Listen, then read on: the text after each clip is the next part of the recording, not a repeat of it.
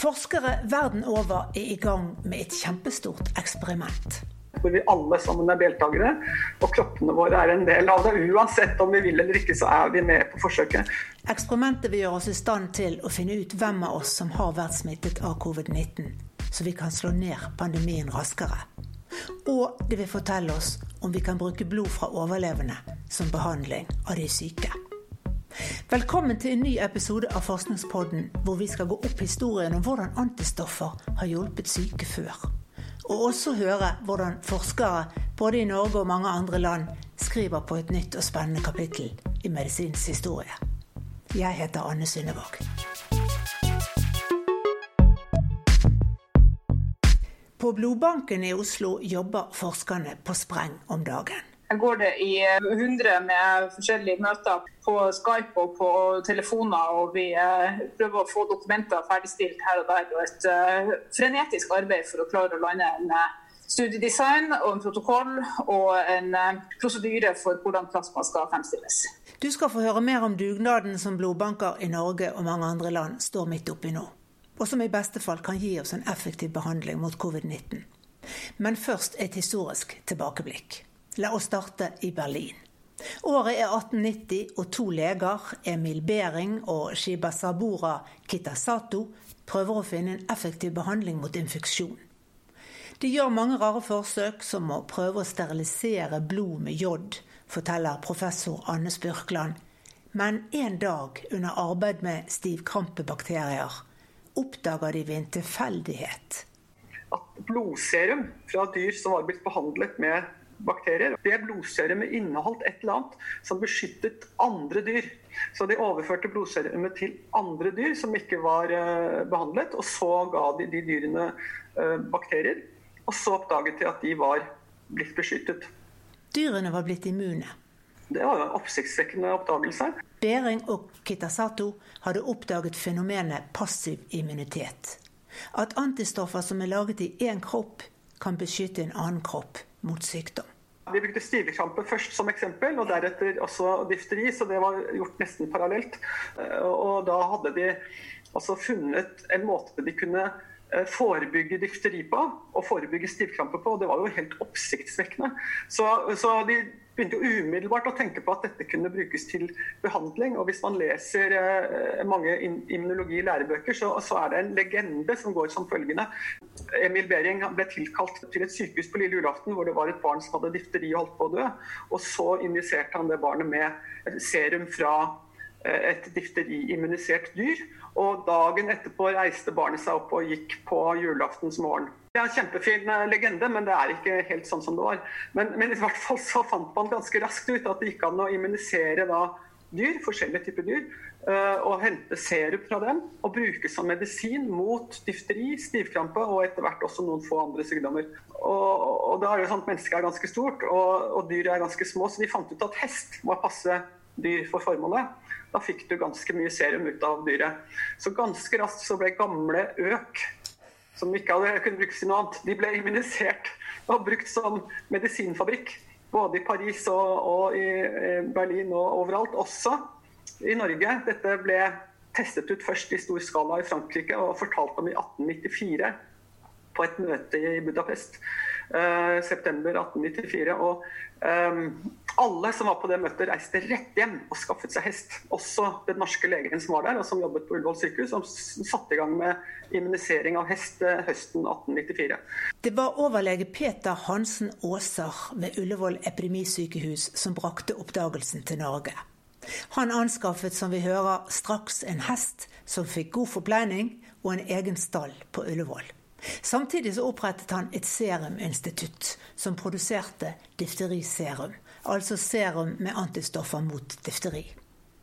Hesten ble immunisert med små mengder difteribakterier en gang i måneden, nok til at immunforsvaret reagerte og laget antistoffer mot difteri. Så ble hesten tappet for blod. Man fjernet blodceller og blodplater fra blodet, og det som da var tilbake, var en klar, strågul væske, serumet, som inneholdt antistoffene. Da Åsa begynte å behandle norske pasienter med hesteserum, hadde han allerede internasjonal forskning i ryggen. For vinteren 1894 ble det gjort flere studier på hesteserum mot difteri ute i Europa. Det aller første var på to barnesykehus i Paris. På det ene barnesykehuset så kom pasientene med difteri inn og ble, fikk ikke noe behandling. Så bare man telte opp hvor mange som levde og mange som døde. Mens på det andre sykehuset så fikk alle barna som kom inn med spørsmål om difteri, de fikk en injeksjon i huden eh, av hesteserum. Og da våren kom og de kunne uh, telle opp hvor mange som overlevde difteri den vinteren, så var det dødeligheten på det første sykehuset var 60% mens på det sykehuset hvor de hadde på testeserum, så var det 20 Altså drastisk fall i dødelighet. Og, og, lignende tall eh, ble jo da observert andre steder også. og Jo tidligere man kom inn, selvfølgelig, jo bedre effekt var det. På Ullevål behandlet Åsa 212 alvorlig syke difteripasienter med hesteserum fra januar til oktober 1895. Til sammenligning hadde han registrert forløpet til over 2500 difteripasienter som var innlagt på sykehuset de foregående syv årene, og som ikke fikk serumbehandling. Og resultatene var, som han selv oppsummerte det, meget heldige. Langt heldigere enn jeg på forhånd hadde ventet, skrev han. Dødeligheten ble redusert fra 24 til 6 ved å behandle med hesteserum. Endelig hadde man funnet en behandling mot difteri. Og fra da og fram til eh, da vi fikk antibiotika, så var dette behandlingen for difteri. Så barn eh, som fikk difteri, fikk da injisert eh, en passe dose med hesteserum for å hindre at de ble alvorlig syke og døde av sykdommen. Og det, det fungerte ganske bra. Altså. Og da den aller første nobelprisen i medisin skulle utdeles, i 1901, var det Emil Behring som kunne dra til Stockholm og ta imot hedersprisen. Eh, alene. Altså han, eh, Japaneren som var med på dette, Kitasato, han reiste hjem til Japan og ble glemt, og ble aldri siden nevnt i forbindelse med denne serumterapien, selv om det hadde vært veldig rimelig at han var inkludert, for det var han som var med på å gjøre forsøkene. Men Emil Behring tok eh, æren. Også, det var også en annen som var involvert i dette, som var veldig viktig, nemlig eh, Erlich. Eh, en annen stor tysk immunolog som var helt avgjørende for å få etablert en metode for å teste effekten av serumet. fordi når man tok og, og immuniserte hester, så ble det varierende mengde antistoff i serumet. Så, så, styrken på medisinen var variabel. Og det var jo veldig viktig å få noe som hadde jevn kvalitet. Og Erlich han var med på å, å, å kvalitetssikre serumet, og fant en metode for å kvalitetssikre serumet. Og allikevel så var det Emil Berring som da stakk av med hele æren og pengene også. Han tjente også enormt masse penger på oppdagelsen av serumterapi. Han sluttet å forske og, og gikk fullstendig inn i kommersialiseringen av dette. Og var med å grunnlegge et firma som heter Beringer Mannheim, som fortsatt fins i Tyskland, så vidt jeg vet. Og han tjente penger som gress. Han, bygget seg, han bygde seg et palass i Magdeburg, som i tidligere Øst-Tyskland så, så, hans kolleger eh, i omgivelsene, sånn som jeg oppfattet det, altså, de hadde vel grunn til å være litt misfornøyd med hvordan han spilte kortene sine etterpå. da. Men nobelprisen til tross, verken Behring eller noen andre skjønte hvordan denne nye mirakelkuren ble til. Hvordan dannet kroppen antistoffer?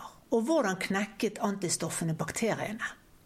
Det skulle ta nye 80 år før vi forsto hvordan antistoffer lages, sier Anne Spurkland som er immunforsker og professor ved Universitetet i Oslo. Og immunologer som interesserte seg for det fra begynnelsen og til 1975 omtrent, diskuterte så fillende føkk hva var antistoffer, hvordan ble de laget, hvordan gikk det an at kroppen kunne lage antistoffer mot absolutt alt. Det det, det, skjønte ikke immunologer før det var gått mange tiår. I dag vet vi at antistoffer er spesialiserte proteiner som produseres i rikelige mengder når vi blir smittet med et virus eller en bakterie. Antistoffene binder seg til deler av viruset og hindrer det i å trenge inn i cellen og formere seg. Og når immunforsvaret først har dannet antistoffer, ja, da fortsetter vi å produsere de i lang tid etterpå. Hvor lenge varierer med ulike sykdommer. Men når man ikke visste helt hva antistoffer var for 100 år siden, så skjønte man i hvert fall hva de kan utrette. Og i 1918 raste, som vi vet, en farlig pandemi verden over. Etter å ha brukt eh, hesteserum som behandling for infeksjonssykdommer i, i flere tiår, så lå det jo ganske opp i dagen at det ville være mulig å ta blodserum fra personer som hadde overlevd uh, spanskesyken, den influensasykdommen, og brukes som behandling for de som fortsatt var syke.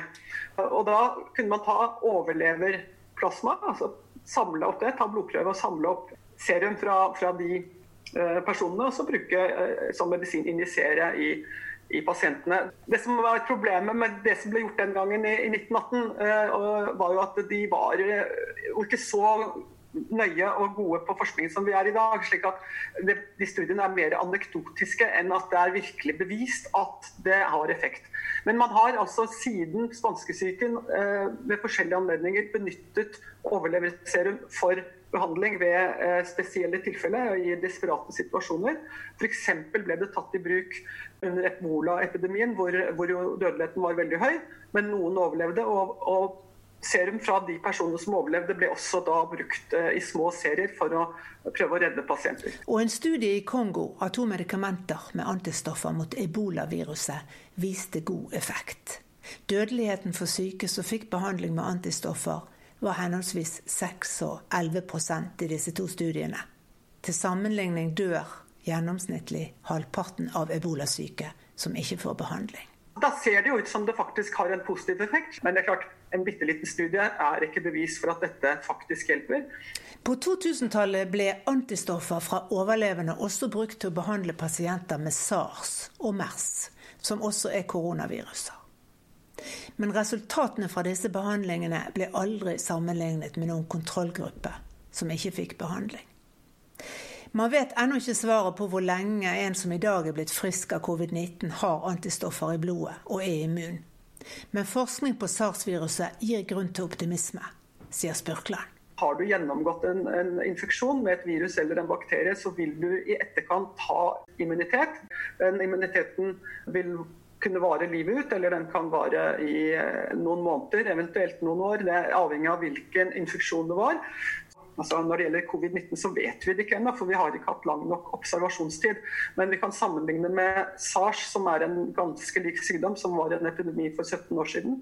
Og der var eh, de som overlevde immune og hadde antistoffer i blodet, det var påvisbart i, i flere år etterpå.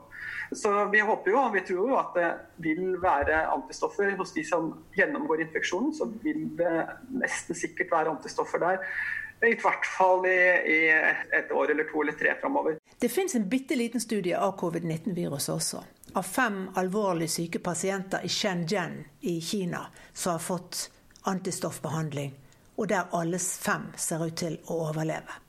Men disse pasientene fikk også et antivirusmedikament, så da er det umulig å vite da, hva som har hatt virkning. Og elleve alvorlig syke covid-19-pasienter i New York City og Houston er de første i USA som har fått serum med antistoffer fra overlevende. Så, så nå som vi har denne covid-pandemien, og hvor vi mangler behandling, hvor massevis av mennesker blir syke fordi ingen er immune, og fordi dette har et stort spredningspotensial, så har vi jo faktisk nå for første gang kanskje i verdenshistorien en unik mulighet til å systematisk undersøke om overleverserum har en positiv verdi i en sånn behandlingssituasjon. Og, og, nå er man jo også i stand til å, å planlegge dette slik at det blir en, en, ordentlig prosjekt, og ikke bare en anekdote. Og forskerne arbeider på spreng. I USA planlegges en større studie hvor det skal testes overlevende serum for tre ulike grupper. Det skal prøves ut som behandling for innlagte pasienter som ikke ligger på respirator, og for livstruende syke på respirator. I tillegg så vil man gi overlevelsesserum til friske personer som er i nærkontakt med syke, f.eks. i familie. Og dette siste blir en kontrollert blindstudie, hvor noen får serum med antistoffer for covid-19, og andre et placebo, et serum uten antistoffer, for å undersøke om antistoffer kan funke som en vaksine. Og forskere ved blodbanken i Oslo vurderer om de skal gjøre det samme og prøve ut antistoffbehandling for folk i risikogruppen som en vaksine. Det kan bli aktuelt. Vi ser litt på det også i et møte som jeg skal på klokka fire. Det var godt at jeg kom på at jeg ikke må glemme det. Ja. Dette er Lise Nissen Meyer, overlege ved blodbanken i Oslo. Hun og hennes kollegaer rundt om i landet jobber døgnet rundt om dagen. De har to mål. For det første vil de teste ut overleverserum fra blodplasma på norske pasienter. Dette har jo vært prøvd i mange andre infeksjoner i tidenes løp. Og så har det gitt litt varierende resultat, og først og fremst fordi disse eh, det har jo ikke vært gjort studier på det. Man har gitt til syke pasienter, og så har man sett at de ble bedre, men vi vet jo ikke om de ville blitt bedre uansett. Derfor er det veldig viktig at man nå, når vi ønsker å tilby plasma fordi vi har forhåpninger om at det kan virke basert på historiske eh, erfaringer, så er det veldig viktig at vi også tester det ut i en kontrollert eh, setting. Altså at vi gir noen pasienter får eh, plasma, noen pasienter får standardbehandling, og at det er tilfeldig hvem som får hva. Den typen forsøk som man gjør for å finne ut om ting virker. Ja. Og Så får man se da om de blir fortere friske, og om de er færre av dem som dør, som har fått plasma i forhold til de som ikke har fått det. Når kan et, sånn, eh, et sånt eksperiment når kan det begynne? Vi håper jo at det skal være mulig å komme i gang med det i løpet av et par måneder. Vil dere da behandle så raskt som mulig etter at symptomene er kommet, eller vil dere vente til det er alvorlig sykdom? Vi ønsker å prøve en modell der vi gir behandling ganske tidlig. For det er mye som tyder på at dette er mest effektivt hvis du får gitt det tidlig, før pasienten er blitt altfor syk. Men det er en god del som må på plass før studien kan starte? Ja, vi har kjøpt inn fire nye maskiner som vi ikke får før etter påske f.eks. Så litt sånn praktiske ting å få på plass. Men eh, det er også en utfordring, eller det er ikke en utfordring, men vi har et veldig godt samarbeid med alle blodbankene rundt omkring i Norges land med å bli enige om hvor mye plasma skal vi tappe? Eh, hva skal vi gjøre med de blodgiverne som eh, Altså hvor lenge etter at de har vært blitt friske av eh, covid-19 skal vi vente før vi kan tappe de?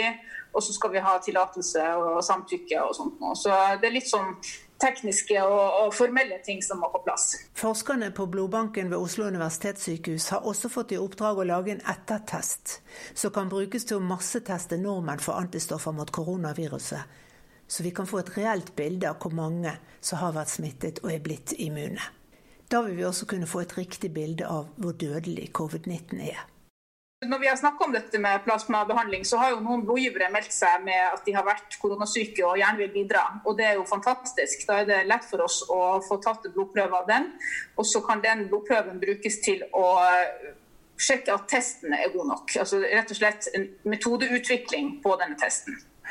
For før vi kan sette i gang og teste tusenvis av eh, folk flest som har vært syke og lurer på om de har hatt korona, så må vi vite at testen er god nok til å si at du har hatt og du har ikke hatt. Ganske snart i løpet av denne våren her eh, kommer vi til å kunne tilby en eh, storskala test.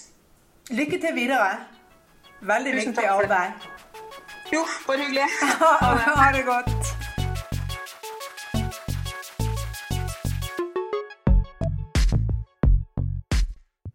Forskningspodden blir produsert med støtte fra Fritt Ord og forskning.no. Jeg heter Anne Synnevåg.